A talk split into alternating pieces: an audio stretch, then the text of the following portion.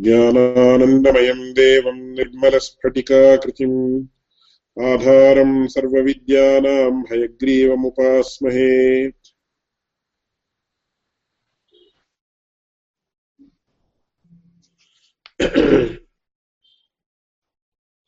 अद्यत्वे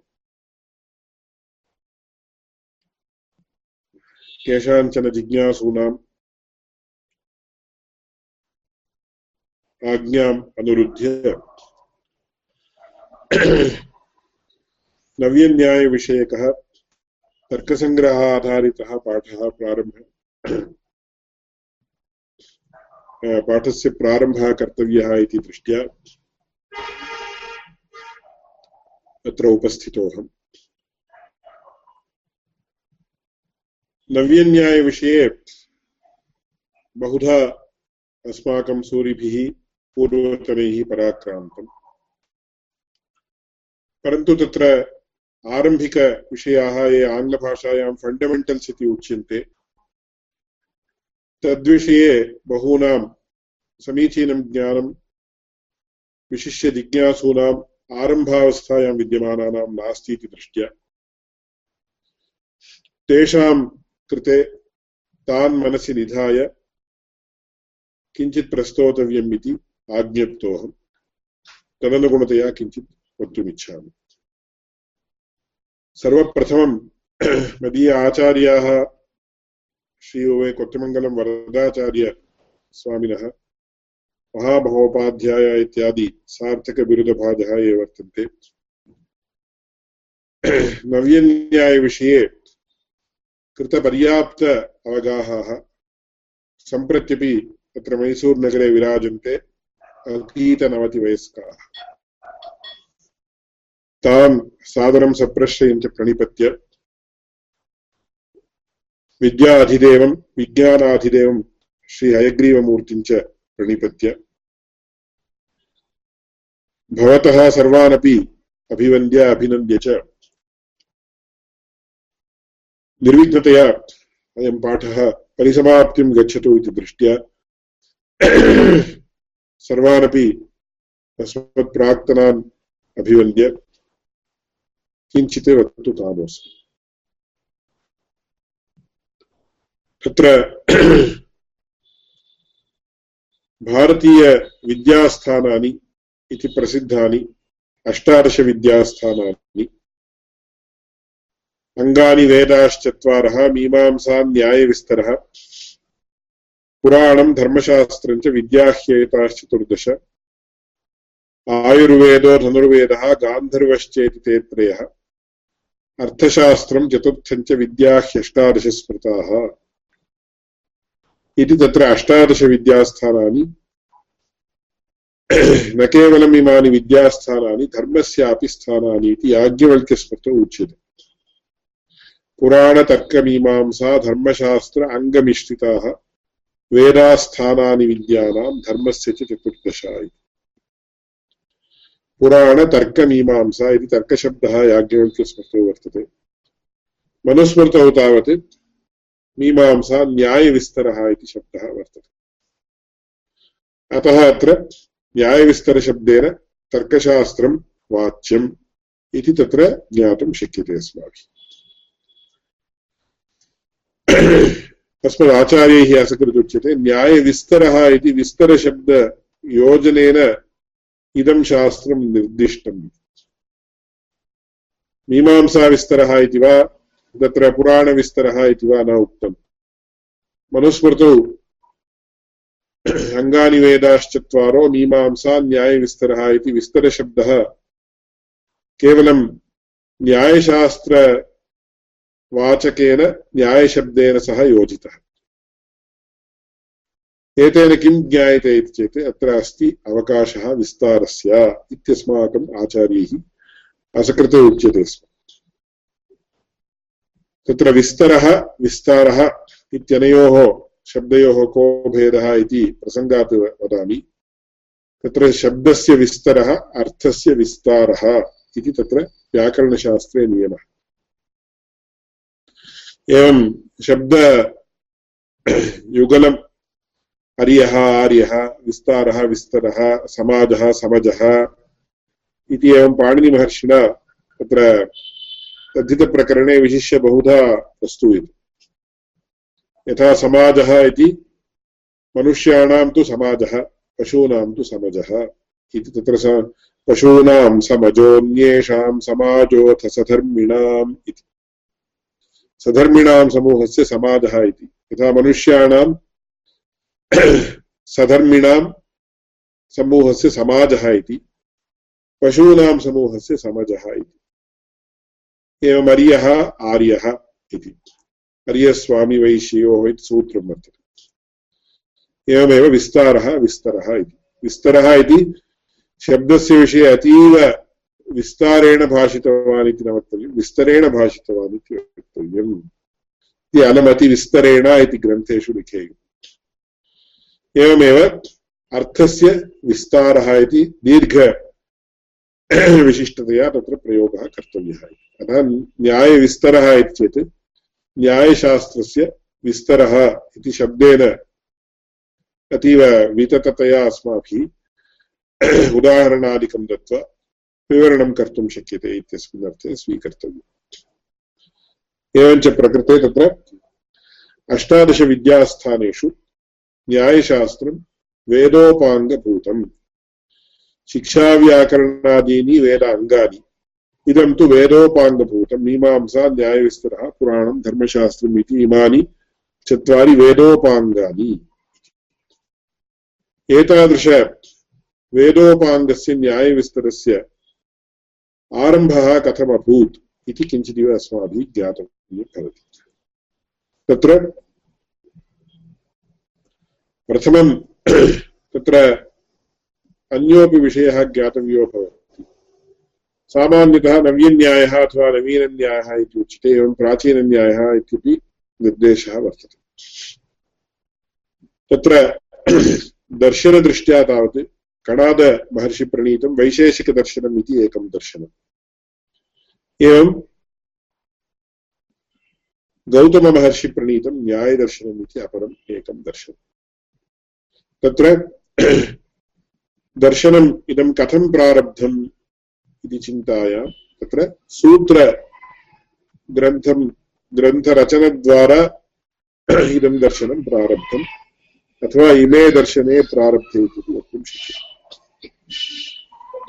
तत्र कणादमहर्षिणा सर्वप्रथमं वैशेषिकदर्शनम् इति दर्शनं कथं प्रवर्तितम् इत्येतत् वैशेषिकसूत्राणि इति तत्र प्रायः उप सार्धत्रिशतं सूत्राणि वर्तन्ते इति स्मरामि। तत्र अथातो धर्मं व्याख्यास्यामः इति तत्र धर्मव्याख्यानप्रारम्भपूर्वकं कणादमहर्षिणा वैशेषिकसूत्राणि प्रारब्धानि अतः तत्र वैशेषिकसूत्राणि वैशेषिकदर्शनम् इति प्रसिद्धं कणादमहर्षिप्रणीतम् द्वितीयञ्च दर्शनं एतद् शास्त्रसम्बन्धी वर्तते तत्र न्यायदर्शनम् इति तस्य मूलग्रन्थाः ग्रन्थाः न्यायसूत्राणि इति प्रथन्ते तादृशन्यायसूत्राणि तावत् गौतमाख्यमहर्षिणा प्रणीतानि तत्र प्रथमं सूत्रं प्रमाणप्रमेयसंशयप्रयोजनदृष्टान्तसिद्धान्तावयव तर्कनिर्णयवादजल्पवितण्डा हेत्वाभास क्षरजातिनिग्रहस्थानानां तत्त्वज्ञानां निःश्रेयसाधिगमः इति तत्र प्रथमसूत्रप्रणयनद्वारा तत्र न्यायदर्शनं प्रणीतम् तत्र प्रधानतया न्यायदर्शनं, प्रमाणश, प्रमाणप्रतिपादकं, वैशेषिकदर्शनं च प्रमेयविषयक, विषयप्रतिपादकम्। तत्र अन्ततः इमानि दर्शन इमे दर्शने परस्परपूरके काम्प्लिमेण्टरि अण्ड् सप्लिमेण्टरि इति आङ्ग्लभाषायाम् उच्यते। परस्परपूरकत्वम् अनयोर्दर्शनयोर्वर्तते कुतः इति चेत् प्रमाणमन्तरा प्रमेयं नास्ति प्रमेयमन्तरा प्रमाणं नास्ति। तस्मात् तत्र प्रमाणविषय, प्रमाणविषयाः विशिष्य तत्र न्यायदर्शने प्रस्तूयन्ते विस्तरेण। प्रमेयविषयाः विस्तरेण वैशेषिकदर्शने प्रस्तूयन्ते। अतः तत्र परस्परम् उभयोः समानतन्त्रम् इति नाम। वैशेषिकदर्शनस्य समानतन्त्रं न्यायदर्शनं वैश न्यायदर्शनस्य समानतन्त्रं वैशेषिकदर्शनम् इति परस्परपूरकत्वम् अनयोः वर्तते। एवं रीत्या तत्र इमे दर्शने कदा रचिते इति विषये तु तत्र इतिहासविषये बहुधा तत्र चर्चा एवं विवादः विमर्शकेषु वर्तते एव। तद्विषये नाधिकं प्रस्तूयते इदानीं साफल्याभावात्। परन्तु इदानीन्तनविमर्शकदृष्ट्या वैशेषिकदर्शने कुत्रचित् बौद्धमत उल्लेखः वर्तते इति केषाञ्चित् अभिप्रायः तदनुगुणतया तत्र प्रायः टु हण्ड्रेड् बि सि इत्यादि समये वा त्री हण्ड्रेड् बि सि समये वा वैशेषिकदर्शनं इति केचन मन्यन्ते। एवं क्रिस्तशके इति चेत् क्रिश्चियन् एरा फस्ट् सेञ्चुरि एडि इति प्रथमशतशताब्द्यां तत्र न्यायदर्शनं गौतममहर्षिणा प्रणीतम् इत्यपि केचित् मन्यन्ते। परन्तु तत्र एतादृशविषये बहुधा विवादः वर्तते। इदं बुद्धस्य कालः, कः बुद्धकालानन्तरं प्रणीतं वा न वा? बुद्धकालात् पूर्वमपि बौद्धमतम् आसीत् इति केचित्। अन्य, अन्यः कश्चन बुद्धः, कुतो वा न स्यात्, अयमेव बुद्धः इति भवद्भिः कथं ज्ञायते? इत्येवं रीत्या बहुधा बहुधा विचाराः वर्तन्ते। अतः तद्विषये इदानीं न वयं प्रविशामः किन्तु एतावत् वक्तुं शक्यते तत्र। सार्धद्विसहस्रवर्षवत्सरसमये वत्सरात् पूर्वम्, अथवा तत् किञ्चित् द्वित्रिशतवर्ष अनन्तरं वा, पूर्वं वा, कदाचित्। परन्तु न्यूनातिन्यूनं द्विसहस्रवत्सरेभ्यः पूर्वम् इमे दर्शने संरचिते इति विषये नास्ति विवादः। तावत् स्वीकृत्य इदानीम् अग्रे गच्छामः। एवम् उभये दर्शने आस्ताम्। तयोर्दर्शनयोः सम्बन्धिनः ग्रन्थाः तत्तद्दर्शनसम्बन्धितया एव रचिताः अभवन् तत्र क्रिस्तशकीयत्रयोदशशताब्दपर्यन्तम् इति चेत् इदानीं वैशेषिकदर्शनप्रस्थानम् इति उच्यते। वैशेषिकप्रस्थाने तत्र प्रशस्तपादभाष्यम् इति नाम्ना प्रशस्तपादेन पदार्थसङ्ग्रह, धर्मसङ्ग्रहः इति नाम्ना प्रणीतः ग्रन्थः। इति चेत् प्रशस्तपादमहर्षिः पदार्थधर्मसङ्ग्रहाख्यं ग्रन्थं वैशेषिकसूत्र अनुगुणतया प्रणिनाय अग्रे ज्ञानिभिः बहुभिः तद्विषयज्ञैः पदार्थधर्मसङ्ग्रहः इति ग्रन्थः यः प्रशस्तपादमहर्षिणा प्रणीतः, स एव वैशेषिकदर्शनस्य भाष्यस्थानापन्नः इति निर्णीय प्रशस्तपादभाष्यम् इत्येव तैः तस्य ग्रन्थस्य नामनिर्देशः कृतः यद्यपि प्रशस्तपादमहर्षिभिः तथा नोच्यते, तत्र तैः उच्यते, तत्र प्रणम्य हेतुमीश्वरं मुनिं कणादमन्वतः पदार्थधर्मसङ्ग्रहः प्रवक्ष्यते महोदयः इति तत्र पदार्थधर्मसङ्ग्रहकर्तृभिः, प्रशस्तपादाचार्यैः तत्र प्रतिज्ञा क्रियते आरम्भे। परन्तु अग्रे भाष्ये यादृशलक्षणानि स्युः, ता तेषां लक्षणानां सर्वेषां तत्र सत्त्वात्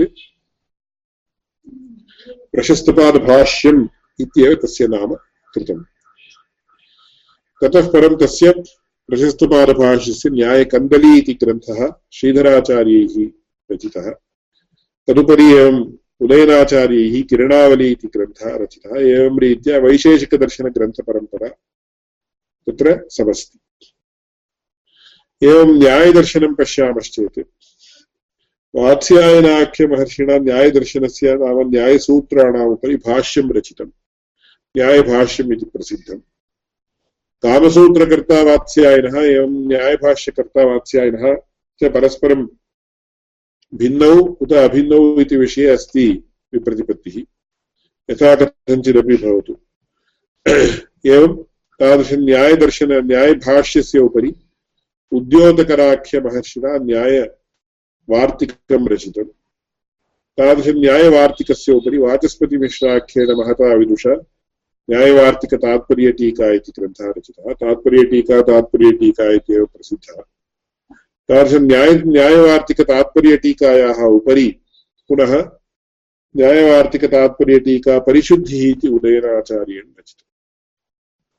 एवञ्च न्यायसूत्रं, न्यायवार्तिकं, न्यायभाष्यं, न्यायवार्तिकतात्पर्यटीका न्यायवार्तिकतात्पर्यटीका परिशुद्धिः इति। पञ्चग्रन्थी, न्यायपञ्चग्रन्थी न्यायपञ्चग्रन्थी इति प्रसिद्धम् तत्र ऐतिहासिकदृष्ट्यापि अस्माभिः किञ्चित् ज्ञातव्यं भवति इति दृष्ट्या इदं सर्वमुच्यते एवं रीत्या तत्र द्वादशत्रयोदशशताब्दपर्यन्तं न्यायग्रन्थाः, न्यायशा न्यायदर्शन अनुबन्धिनः पृथगेव आरचिताः अभूवन्। एवं वैशेषिकदर्शनसम्बद्धाः सम्बद्धाः ग्रन्थाः पृथगेव आरचिताः अभूवन्। त्रयोदशशताब्द्यां तावत् गङ्गेशोपाध्यायो नाम महाविद्वान् कश्चित् सः आगत्य किम् अकरोत् इति चेत् तत्र अनयोर्दर्शनयोर्मिलित्वा एकः ग्रन्थः रचनीयः इति चिन्तितवान्। अतः सः किम् अकरोत् तत्त्वचिन्तामणिः इति ग्रन्थं रचितवान्। यत्र पृथक् पृथक् न्यायदर्शनस्य, वैशेषिकदर्शनस्य च उल्लेखो नास्ति। उभावपि दर्शने मेलयित्वा सः किमकरोत् उभे अपि दर्शने मेलयित्वा सः किमकरोत् एतादृश तत्त्वचिन्तामण्याख्यग्रन्थं रचितवान्। तदनु नव्यन्यायपरम्परा एकदृष्ट्या प्रारब्धा इति वक्तुं शक्यते। बहवः विद्यार्थिनः वा अन्ये वा नव्यन्याय, नव्यन्यायं पाठयामि इति यदा उच्यते, नव्यन्यायः इति तत्र किं पञ्चाशत् वर्ष, वर्षात् पूर्वं प्रणीतो वा अथवा आरब्धो वा इति पृच्छन्ति। तदानीं मया विनोदेन उच्यते न पञ्चाशत् वर्षेभ्यः अपि तु प्रायः सप्तशताधिकवर्षेभ्यः पूर्वं प्रारब्धोऽयं, प्रारब्ध, प्रारब्धेयं नव्यन्यायपरम्परा नव्या प्राचीना इति इमौ शब्दौ आपेक्षिकौ। स्माल् बिग् इति वत् तत्र रिलेटिव् टर्म्स्। अतः small is ten a small number or big number इति प्रश्नः क्रियते चेत्। कीदृशदृष्ट्या इति प्रश्नः कर्तव्यो भवति। पञ्चसङ्ख्यादृष्ट्या दशसङ्ख्या कुत्र?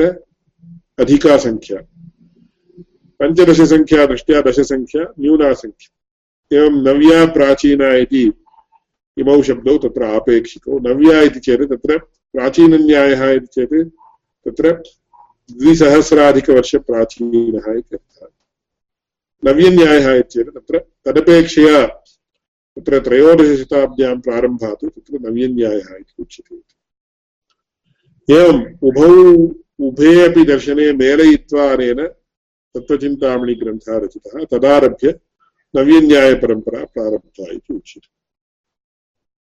इति एकः अंशः। द्वितीयः अंशः कः इत्येतत् तदानीमारभ्य तत्र नूतनतया कश्चन निरूपणक्रमः तेन उपस्थापितः, गङ्गेशोपाध्याये। एवं तत्र कस्यचित् वस्तुनः लक्षणं वक्तव्यं चेत् कथं वक्तव्यम्? इति तत्र अवच्छेदक, अवच्छिन्ना इति विशेषशब्दोपादानद्वारा तेन कश्चन आङ्ग्लभाषायां बेञ्च् मार्क् इति उच्यते। निरूपणं कर्तव्यं चेत् एवमेव कर्तव्यम् इति तत्र बेञ्च् मार्क् एवं स्थापितम्। एतस्य सुलभतया ज्ञानाय मया एका एकं नवीनम् उदाहरणं दातुम् इष्यते किमिति चेत् तत्र इदानीं कस्यचित् विषयस्य निरूपणं कर्तव्यम्। इतः पूर्वं प्रायः तत्र कार्पोरेट् वर्ल्ड् इति उच्यते, तत्र प्रायः पञ्चाशत् वर्षेभ्यः पूर्वं किमपि साक्षात् तथैव उच्यते स्म। नो चेत् बोर्ड् मध्ये लिखित्वा एवमेवम् एवं भवति एवं भवति एवं भवति स्थाप्यते, प्रदर्श्यते स्म। इदानीं किमपि प्रयोजन किमपि प्रदर्शनीयम् अथवा विवरणीयं चेत् तत्र पवर् पायिण्ट् अन्तरा किमपि न विवरितुं शक्यते। तत्र इदानीं संस्कृतविद्वांसः अपि यदा पृच्छन्ति यदा वयं तत्र संस्कृतविद्वद्गोष्ठीं प्रति गच्छामः पवर् पायिण्ट् अस्ति वा प्रेसेण्टेशन् अस्ति वा इति पृच्छन्ति। एवं तत्र कलाक्षेत्रं वा भवतु, सङ्गीतक्षेत्रं वा भवतु, संस्कृतक्षेत्रं वा भवतु, विज्ञानक्षेत्रे तु प्रश्ने एव अनावश्यकः एवं सर्वेष्वपि क्षेत्रेषु इदानीं किम् आगतम् कस्यचित् विषयस्य निरूपणं कर्तव्यं चेत् सम्यक् ज्ञानार्थं पवर् पायिण्ट् प्रेसेण्टेशन् आवश्यकम्।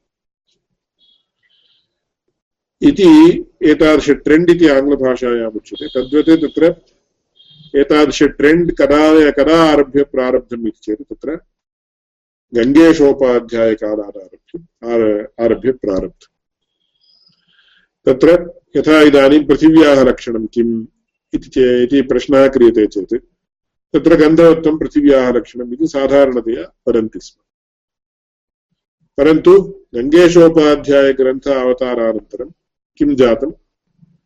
समवायसम्बन्धावच्छिन्नगन्धत्वावच्छिन्नाधेतानुरूक्त अधिकरणता अधिकरणतावद्वृत्तिद्रव्यत्वसाक्षाद्व्याप्यजातिमत्वम् इति तत्र। लक्षणं निर्दिश्यते अथवा व्याप्तिलक्षणं किम् इति चेत् तत्र साध्यतावच्छेदकसम्बन्धावच्छिन्न साध्यतावच्छेदकावच्छिन्नाधेतानुरूक्त अधिकरणत्वावच्छिन्नप्रतियोगिताक भेदवन्निरूपितहेतुतावच्छेदकसम्बन्धावच्छेदकहेतुतावच्छेदकहेतुतावच्छेदकवत्वम् इति तत्र व्याप्तिलक्षणम् इति उच्यते।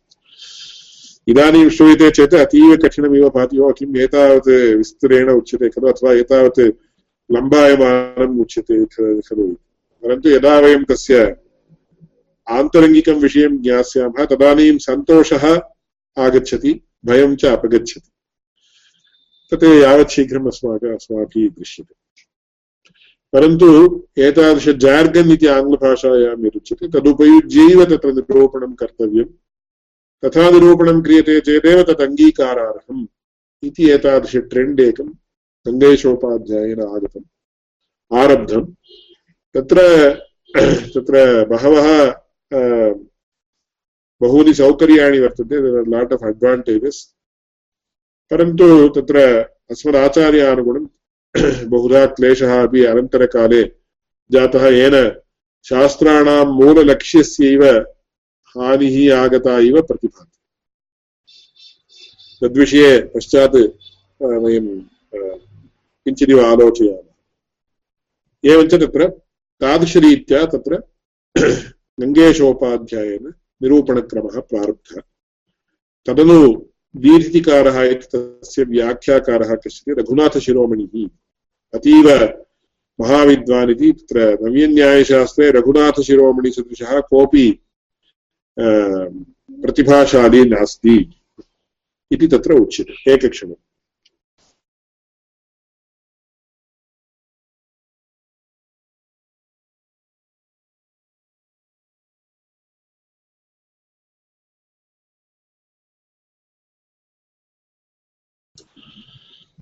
तत्र अत्र विद्यमानानां कक्ष्यायां विद्यमानानां सर्वेषामपि संस्कृतज्ञत्वात् तत्र संस्कृतविषये बद्धादरत्वात् अन्ये अपि केचन विषयाः उच्यन्ते।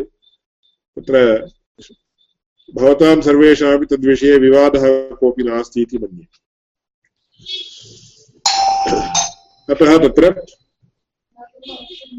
रघुनाथशिरोमणिः इति तस्य नाम। तस्य सः एव सर्वापेक्षया नव्यन्यायशास्त्रे उत्तमः विद्वान् इति तत्र उच्यते। एकक्षणम्। एवञ्च तत्र तस्य व्याख्याः बहवः तस्य रघुनाथशिरोमणिः तत्र दीधितिः इति नाम्ना तत्त्वचिन्तामणिग्रन्थस्य व्याख्यां रचितवान्। कुतः चेत् मणिः इत्येतत् दीधितिः इति किरणानि इत्यर्थः, किरणम् इत्यर्थः। मणिः यदा तत्र निक्षिप्यते, तस्य किरणानि प्रसरन्ति इति दृष्ट्या दीधितिः इति तत्र रघुनाथशिरोमणिना रचितस्य रचितायाः व्याख्यायाः नाम तेनैव निक्षिप्तम् तादृश रघुनाथशिरोमणेः दीर्तिव्याख्यानोपरि पुनः बहवः बह्व्यः व्याख्याः रचिताः अभूवन्। यथा गदाधरभट्टाचार्येण जगदीशतर्कालङ्कारेण, अन्येन अन्येन अन्येन विदुषा च तत्र जगदीशतर्कालङ्कारः इति तत्र किञ्चिदिव सीनियर् विद्वांसः आसीत् इति ज्ञायते तत्र तेन रचितायाः व्याख्यायाः जागदीशी इति नाम प्रसिद्धम्। एवं गदाधरभट्टाचार्येण रचितायाः व्याख्यायाः प्रकाशः इति यद्यपि नाम गदाधरभट्टाचार्येण निक्षिप्तम्। तत्त्वचिन्तामणि दीधिति प्रकाशः इति। परन्तु प्रकाशः इति नाम नाम तावत् प्रसिद्धिं न प्राप्त, प्रा प्राप्तं किन्तु तत्र जागदे जादाधरी इत्येव नाम तस्य प्रसिद्धम्। अन्योपि विषयः, एते सर्वेपि तार्किकाः प्रायः तत्र बङ्गालदेशे आसन् इति अस्माभिः ज्ञायते। तत्र बङ्गालदेशे तत्र मायापुरम् इति वर्तते। इस्कान् क्षे, इस्कान् संस्थायाः प्रधानक्षेत्रभूतम्। तस्मात् तत्र नद्यां, नदीं तरित्वा गन्तव्यं भवति। नवद्वीपम् इति क्षेत्रं वर्तते। नवद्वीपः इति वा? नवद्वीपम् इति वा? नव नवद्वीप् नवद्वीप् इति उच्यते तत्र। गदाधरभट्टाचार्यः तत्र आसीत्। इति गदाधरभट्टाचार्यः सर्वापेक्षया उत्तमः तार्किकः इति केचित् वदन्ति। रघुनाथशिरोमणिः सर्वापेक्षया उत्तमः तार्किकः इति यथा कथञ्चिदपि भवति। एवं मैथिलदेशः इत्यपि तत्रैव पार्श्वे आसीत्। इमे सर्वेपि नव्यन्यायतार्किकाः तत्र मैथिलदेशे नवद्वीपे च अभवन् इति तत्र अस्माभिः ज्ञायते तत्र जगदीशः गदाधरः इति द्वौ अतीव प्रधानौ इति तत्त्वचिन्तामणिग्रन्थः गङ्गेशोपाध्यायेन रचितः तद्व्याख्या रघुनाथशिरोमणिना रचिता दीर्घतिः इति तद्व्याख्याः गदाधरभट्टाचार्यादिभिः बहुभिः प्रायः षष्टिजनैः रचिताः इति सिक्स्टि जनैः रचिताः इति तत्र उच्यते अतः तत्र अतएव अस्मदाचार्यैः अस्कृत् उच्यते स्म एकं ट्रेण्ड् इति प्रारब्धम् तत्त्वचिन्तामणिग्रन्थस्य साक्षात् व्याख्या वा? तद्व्याख्याभूत रघुनाथशिरोमणिदीधितेः व्याख्या वा रचनीया इति तत्र ट्रेण्ड् आरब्धम्। तदानीमेव सः पण्डितत्वेन परिगण्यते स्म तस्यां तस्मिन् काले। तत्र अलङ्कारशास्त्रेपि तत्र पेरलल् इति उच्यते। तुल्यक्रमः आसीत् इति ज्ञायते। यः कोऽपि आलङ्कारिकत्वेन सः प्रथां प्राप्नुयात् चेत् if he has to be accredited or certified as an आलङ्कारिक, तदानीं किं कर्तव्यम् चेत् काव्यप्रकाशः इति मम्मटाचार्येण विरचितः ग्रन्थः यः वर्तते। तस्य व्याख्या तेन रचनीया। तादृशव्याख्यां रचयित्वा राजसभायां पण्डितानां पुरतः तादृशव्याख्या विवरणीय। तत्र ये प्रश्नाः पण्डितैः क्रियन्ते, ता, तेषां प्रश्नानाम् उत्तरं तेन समर्पकतया दीयते चेत्। तदानीं पण्डिताः अयं विद्वान् इति परिगणनां कुर्युः। तदानीं तस्य अर्हता इदानीं तत्काले तावत् एतादृश एक्सामिनेशन् सर्टिफिकेशन् इत्यादि प्रक्रिया नासीत्। राजसभायां गत्वा कश्चन, कञ्चन विषयं प्रस्तूय, ततः तैः कृतानां प्रश्नानाम् उत्तरं दीयते चेत् तदानीं समर्पकतया इत्यत् समीचीनतया दीयते चेत् तदानीं सः विद्वान् इति परिगण्यते स्म इति तदानीन्तनकाले सर्टिफिकेशन् प्रोसेस् एव आसीत्। इति तत्र नवीनन्यायविषये, नवीनन्यायस्य ग्रन्थपरम्पराविषये नवीनन्यायग्रन्थ प्रवर्तक नवीनन्यायशास्त्रप्रवर्तकानां च विषये किञ्चिदिव एतावत्पर्यन्तं भवतु। इतः परं तत्र नवीनन्यायः किमर्थम् अस्माभिः अनुसन्धेयः अथवा ज्ञेयः इति किञ्चिदिव अस्माभिः ज्ञातव्यं भवति।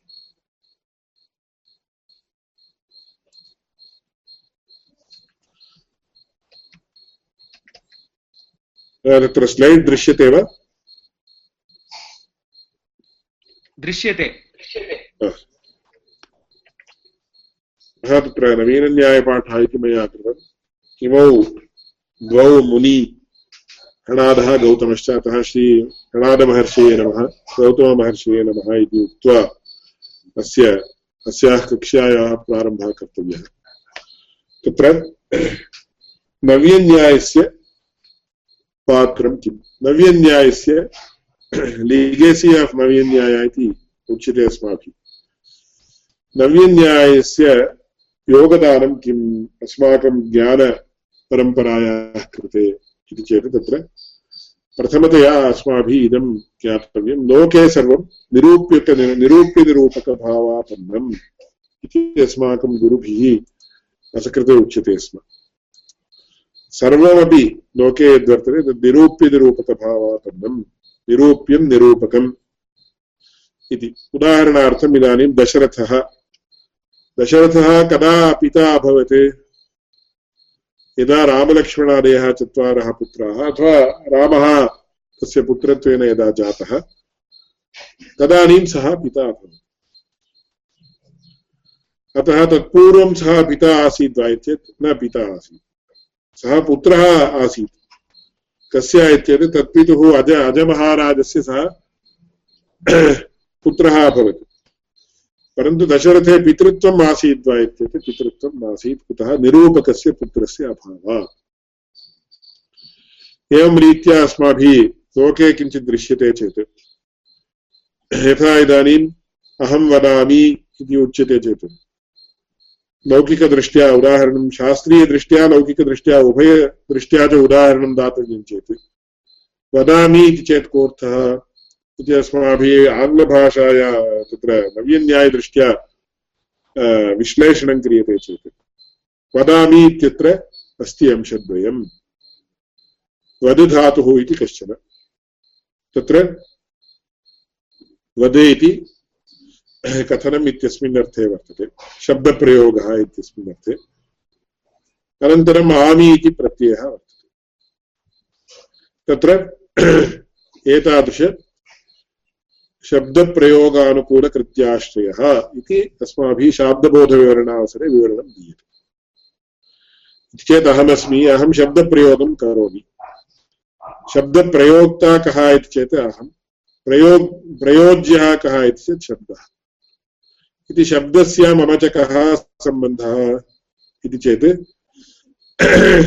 अहं प्रयोक्ता शब्दः प्रयोज्यः अथ प्रयो, प्रयोक्तृ प्रयोज्यभावसम्बन्धः।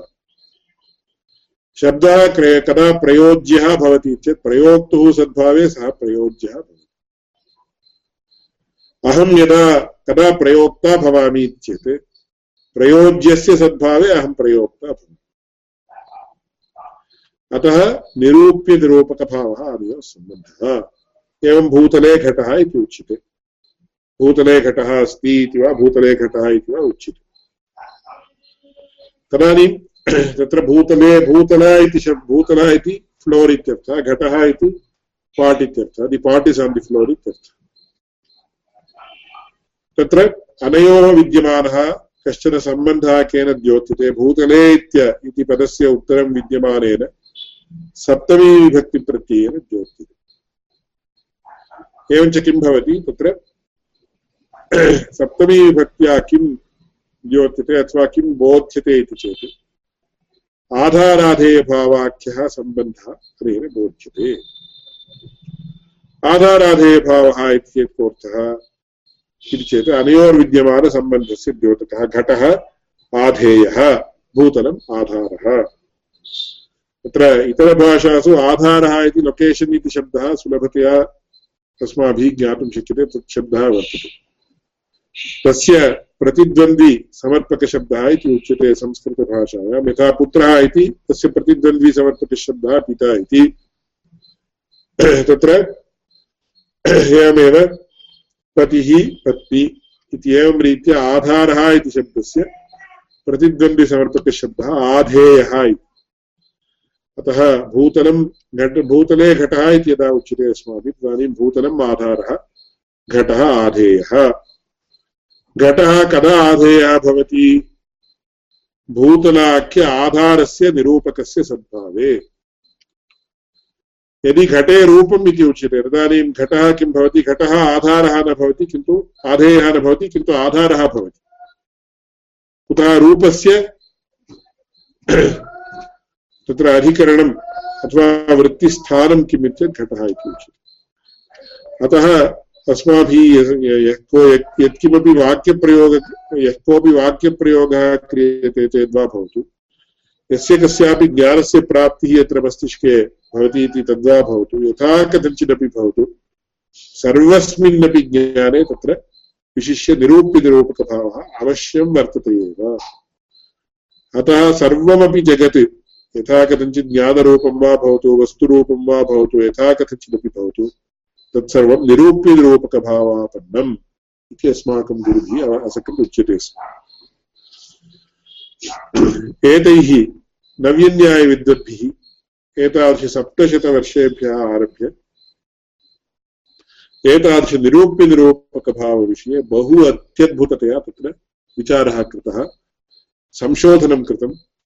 तादृशनिरूप्यनिरूपकभावस्य अन्यून अनतिरेकेण निरूपणं कथं कर्तव्यम् इति विषये एतैः बहु तत्र साधितम् एक्स्पर्टैस् प्राप्तम्। अतः तत्र सर्वं निरूप्यनिरूपकभावापन्नं जगत्। तादृशनिरूप्यनिरूपकभावापन्यस्य जगतः निरूपणे अथवा जगति विद्यमाननिरूप्यनिरूपकभावस्य सम्यक् निरूपणे अधिकृताः नव्यन्यायविद्वांसः इति अस्माभिः प्रथमं ज्ञेयम्।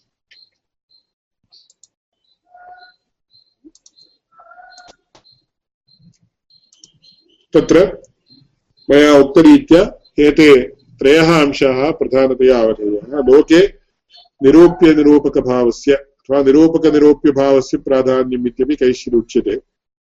तत्र किं प्रथमम् शब्ददृष्ट्या इति चेत्, तत्र अल्पाच्तरं पूर्वम् इति एकं सूत्रं भगवता पाणिनिना रचितम् तत्र अतः अल्पास्तरम् इति निरूप्यञ्च निरूप्य, निरूपकञ्च निरूप्यञ्च निरूप्य निरूपके इत्येव तत्र भवति, कुतः इत्युक्ते द्वन्द्वे, द्वन्द्वादौ तत्र अल्पास्तरं पूर्वम् इति यस्मिन् शब्दे अल्प अज्वर्णाः वर्तन्ते, सः शब्दः पूर्वम् आगच्छेदिति पाणिनीयनियमः। अतः निरूप्यनिरूपकभावः इत्येव उच्यते। कदाचित् कैश्चित् निरूपकनिरूप्यभावः इत्यपि उच्यते। तदानीं पाणिनिमहर्षिणा उक्त अभिप्रायापेक्षया अभ्यर्हितं पूर्वम् इति। तत्र सम्प्रदाये उच्यते तत्र पराशरभट्टार्यैः वंदे गोविन्दतातौ इति उच्यते। गोविन्द तातश्च गोविन्दश्च तातगोविन्दौ इत्येव वक्तव्यम्। तत्र पराशरभट्टाचार्याः तत्र तेषां पितरः कूरेशवर्याः। कूरेशवर्याणाम् एवं तद्गुरूणाम् एम्बार् इत्युच्यमान समर्पयन्ति पराशरभट्टाचार्याः तदानीं वंदे तातगोविन्दौ इति खलु वक्तव्यं तातश्च गोविन्दश्च तातश्च इति वा विग्रहवाक्यं प्रदर्शयितुं शक्यते तातश्च गोविन्दश्च इति वा विग्रहवाक्यं प्रयोक्तुं शक्यते पाणिनिमहर्षेः नियमानुरोधेन वंदे तातगोविन्दौ इति वक्तव्यम् परन्तु अन्योपि नियमः वर्तते अभ्यर्हितं पूर्वम्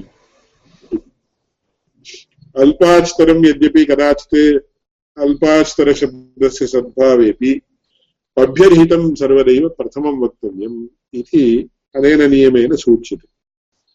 तत्र तावत् गोविन्दाचार्याणां पराशरभट्ट आचार्यत्वात् मित्रपेक्षया आचार्यस्य कृते प्राधान्यस्य देयत्वात्, वंदे गोविन्दतातौ इति प्रयोगः कृतः इति व्याख्यायां प्रदर्शयन्ति पूर्वाचार्याः।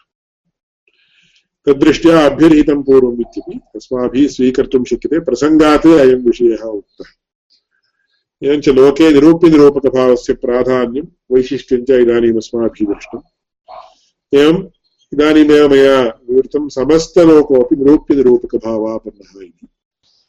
एवं तृतीयं, नव्यन्यायशास्त्रे निरूप्यनिरूपकभावस्य प्राधान्येन प्रतिपादनं कथम् इत्यपि इदानीमेव सङ्क्षेपेण मया प्रदर्शितम्। विस्तरेण अग्रे प्रदर्श्यते इदानीं कथम् इति एकम् उदाहरणं स्वीकृत्य वयं पश्यामः। भूतले घटः इति प्रसिद्धः प्रयोगः। अत्र घटः, आधेयः, भूतलम्, आधारः इति। तत्र आधारो नाम कः इति प्रश्नः सर्वस्यापि पुनः सर्वेषु शास्त्रेषु अयमंशः समानः। विशिष्य नव्यन्यायशास्त्रे तु अतीव प्रधानः अयमंशः किमिति चेत् तत्र आधेयः नाम कः आधारो नाम कः तत्र पाणिनिमहर्षिणा एव उक्तम् आधारो अधिकरणम् इति।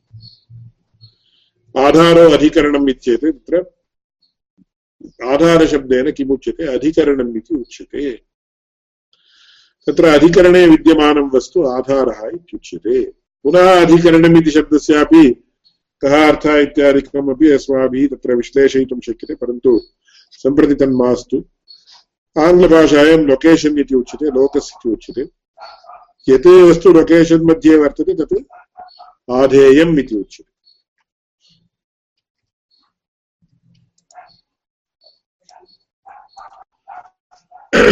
एवञ्च प्रकृते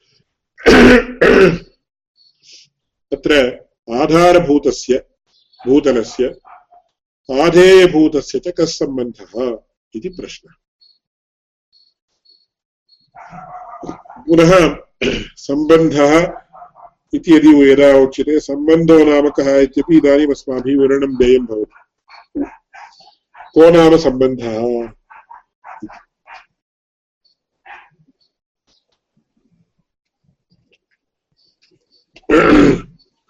अस्यां कक्षायाम् एकः विषयः अस्माभिः अनुसन्धातुं शक्यते।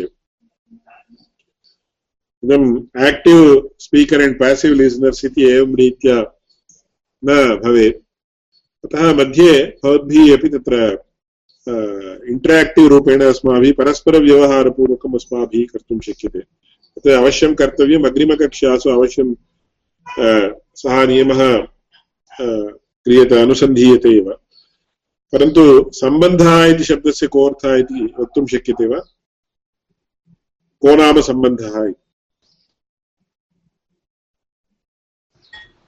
आङ्ग्लभाषायां सम्बन्धो नाम रिलेशन्शिप् इति मन्ये। रिलेशन्शिप् इति समीचीनं। तस्य अर्थः कः इति पुनः प्रश्नः भवति। एकस्य प्रतियोगी अन्यः अन्यस्य प्रतियोगी अन्यः। इति। न प्रतियोगी इति पुनः सः एकः सम्बन्धः तत्र अन्तर्गतः। तादृशशब्दप्रयोगमन्तर तत्र प्रतियोगी इति शब्दस्य कोऽर्थः अन्यस्य विना अन्यस्य नामधेयमपि अपगच्छति। तत्र समीपम् आगताः भवन्तः परन्तु तत्र विशिष्य विवरणमेव वर्तते तत्र। को नाम सम्बन्धः इति चेत् तत्र विशिष्टबुद्धिनियामकत्वं सम्बन्धत्वम्। इदानीम् अत्र एका लेखनी वर्तते। अस्यां लेखन्यां तत्र नीलवर्णः वर्तते। इदानीं लेखन्यां नीलवर्णः वर्तते इति अस्माभिः उच्यते। एवं खलु? लेखन्यां नीलवर्णः वर्तते इति चेत् इदानीम् अस्माभिः नीलरूपविशिष्टा लेखनी इति इदानीं ज्ञानं प्राप्तम् इदं ज्ञानम् आङ्ग्ल तमिळ्भाषायाम् अरिव इति उच्यते आङ्ग्लभाषायां काग्निशन् इति उच्यते कर्णाटकभाषायां तिळुवळिके इति उच्यते नीलरूपविशिष्टालेखनी इति ज्ञानं कथं प्राप्तम् तत्र नीलरूपस्य एवं लेखन्याः, तदाश्रयस्य लेखन्याः च सत्त्वात्। एवं तयोश्च कश्चन विशिष्य सम्बन्धस्य सत्त्वात्। अतः तयोर्विद्यमानः यः सम्बन्धाख्यः वर्तते, सः किमकरोत् इति चेत् इदानीं नीलरूपविशिष्टां लेखन्, नीलरूपविशिष्टायाः लेखन्याः ज्ञानम् अस्मासु अजनयत्। तस्मात् विशिष्टबुद्धिनियामकत्वं सम्बन्धत्वम् अथवा विशिष्टबुद्धिं यः नियमयति स एव सम्बन्धः। तत्र आङ्ग्लभा, सर्वमपि विवरणं तर्कशास्त्रे कथं दीयते इति चेत् इदम् अयम् अतीव प्रधानोंशः सर्वव्यवहारहेतुः ज्ञानं बुद्धिः इति तर्कसङ्ग्रहे उच्यते। एवं नैयायिकाः किं वदन्ति चेत् प्रतीतिशरणाः नैयायिकाः इति वदन्ति।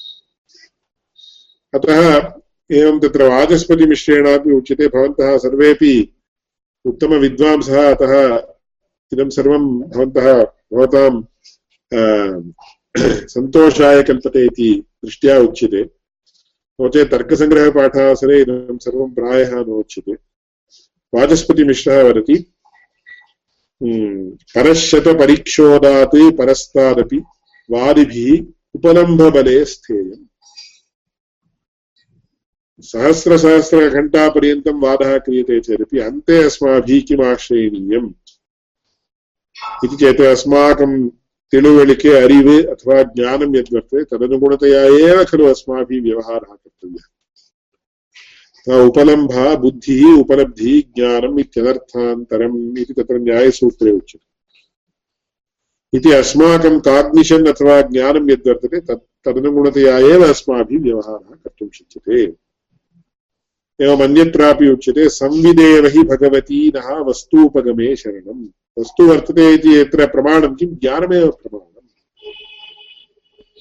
अतः इदानीं कालः इति कः इति अस्माभिः कथं तत्र विवरणं दातुं शक्यते चेत् हौ डु यु डिफैन् टैम् इति आङ्ग्लभाषायां वयं पृच्छामश्चेत् तत्र किमपि उत्तरं नागच्छति।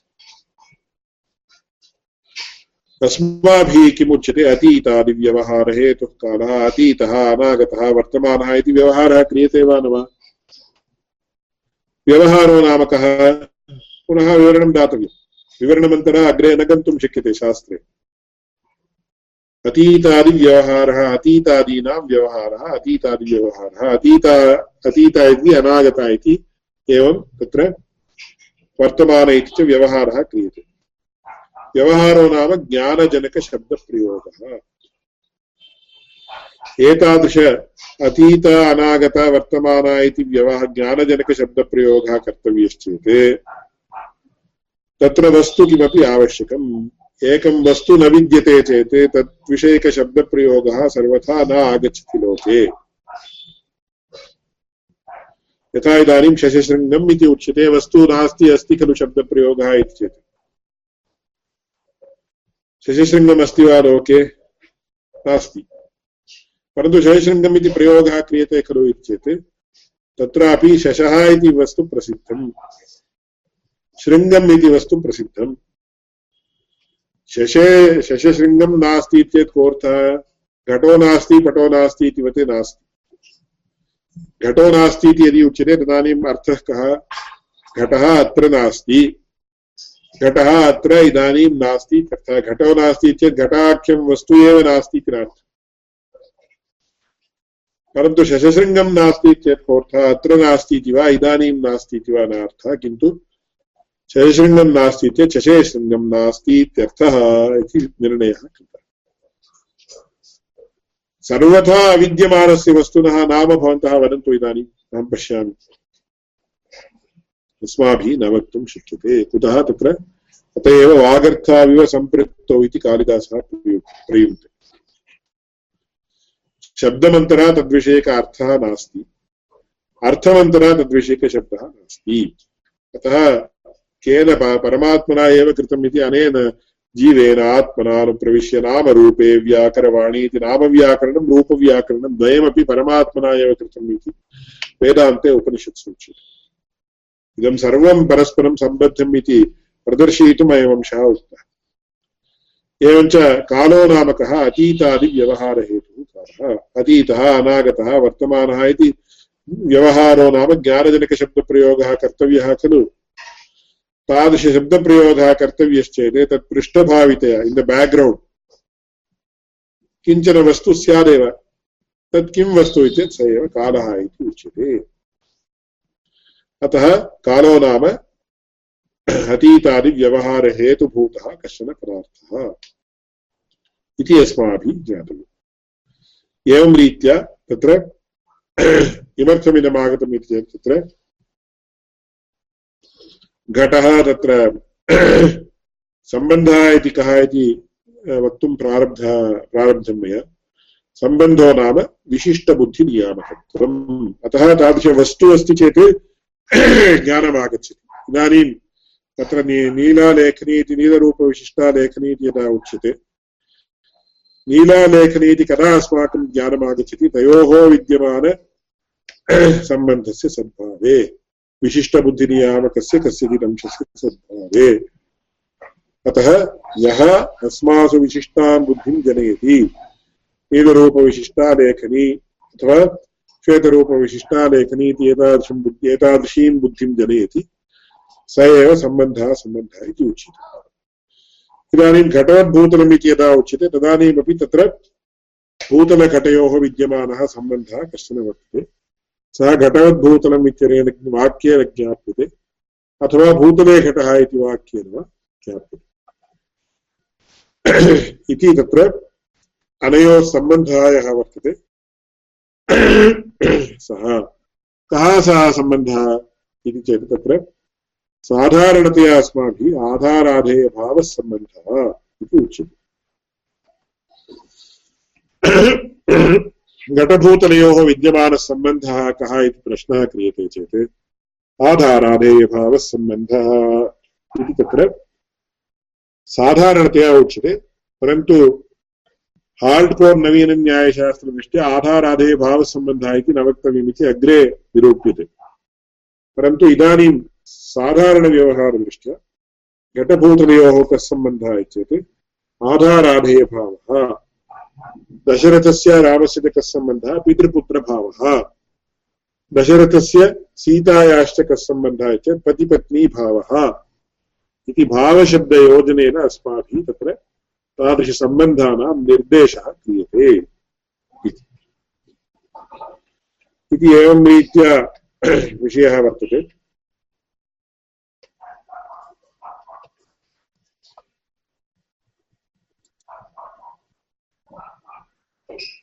एवञ्च अद्य एतावत्पर्यन्तं तत्र नव्यन्यायशास्त्रस्य कृते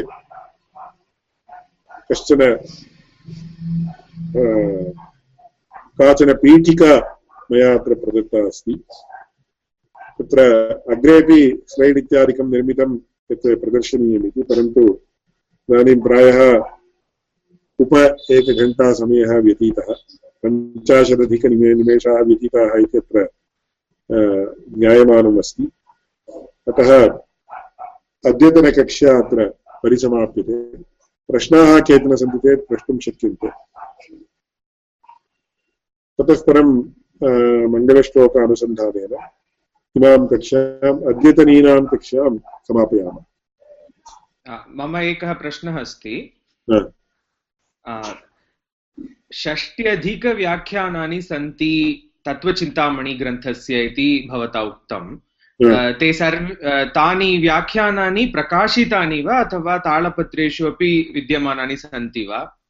बहूनि व्याख्यानानि प्रकाशितानि। तत्र चौकम्बा संस्थान्तः तत्त्वचिन्तामण्याः गादाधरी व्याख्या सहितपुस्तकं किञ्चित् मुद्रितं तत्र के के ग्रन्थक ग्रन्थकृतः आसन् तैः तेषां ग्रन्थानां तत्र साक्षात् व्याख्यानानि कति तत्र मणिग्रन्थव्याख्यानभूततत्त्वचिन् दीर्घिग्रन्थस्य व्याख्यानानि कति इत्यादिकं सर्वं तत्र लिस्ट् रूपेण दत्तमस्ति। तत्र कति प्रकाशितानि, कति न प्रकाशितानि इत्यपि तत्र निर्दिष्टं वर्तते। परन्तु इतः विंशतिवर्षेषु अप्रकटितानि बहूनि व्याख्यानानि तैस्तैर्विद्वद्भिः तत्र पि एच् डि कृते सम्पादनार्थं स्वीकृत्य बहूनि प्रकाशितानि इत्यपि श्रूयते।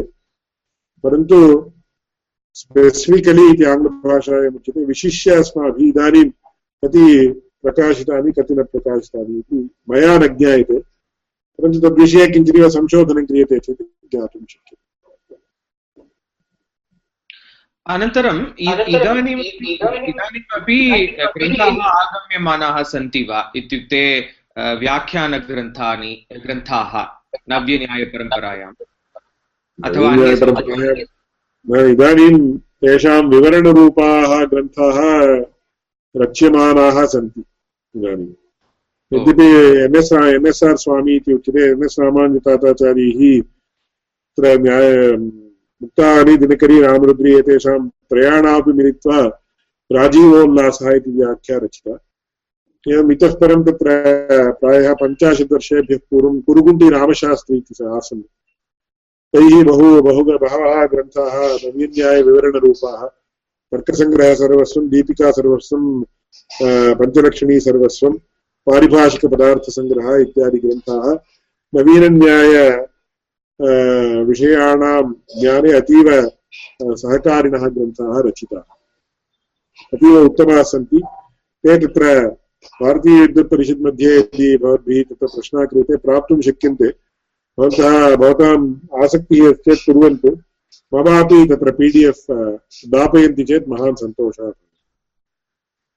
अस्तु अन्तिमप्रश्नः एकः अस्ति द्वन्द्वसमासे अक्षरबाहुल्यं यत्र वर्तते सः शब्दः प्रथमं प्रयोक्तव्यः इति भवता उक्तं. हम्म। तत्र तत्र कश्चन अपवादः अस्ति इति अपि उक्तं. अ, गोविन्दतातौ इत्यत्र. तत्र क- कः अपवादरूपेण एकं लघुवाक्यखण्डम् उक्तं भवता? तत् किम्? इत्युक्ते सामान्यतया अक्षरबाहुल्य हा? वंदे वंदे गोविन्दतातौ इति तत्र श्लोकस्य प्रारम्भः क्रियते पराशरभट्टार्येण हम्म। तत्र तातगोविन्दौ इति खलु वक्तव्यम् चेत् अभ्यरीतं पूर्वम् इत्यपि अपवादः अभ्यर्हितं पूर्वम् अभ्यर्हितम् इत्येते यत् श्रेष्ठम् अथवा प्रधानं तदभ्यर्हितम् इति उच्यते।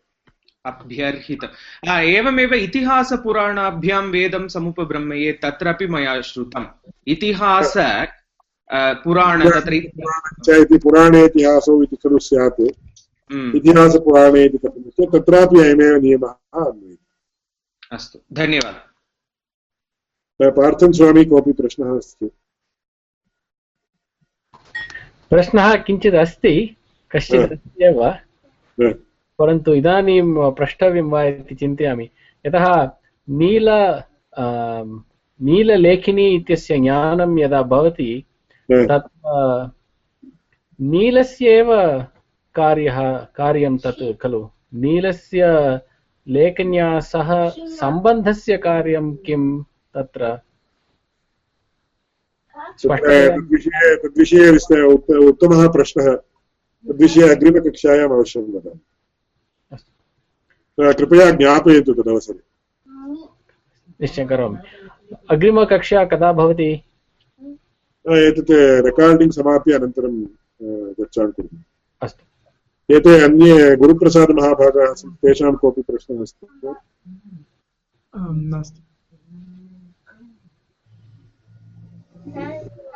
भाषान्तरेपि प्रष्टुं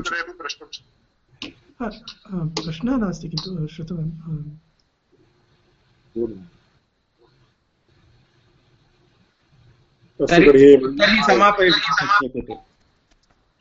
ज्ञानानन्दमयं देवं आधारं सर्वविद्यानां एक एतद् रेकार्डिङ्ग् समाप्य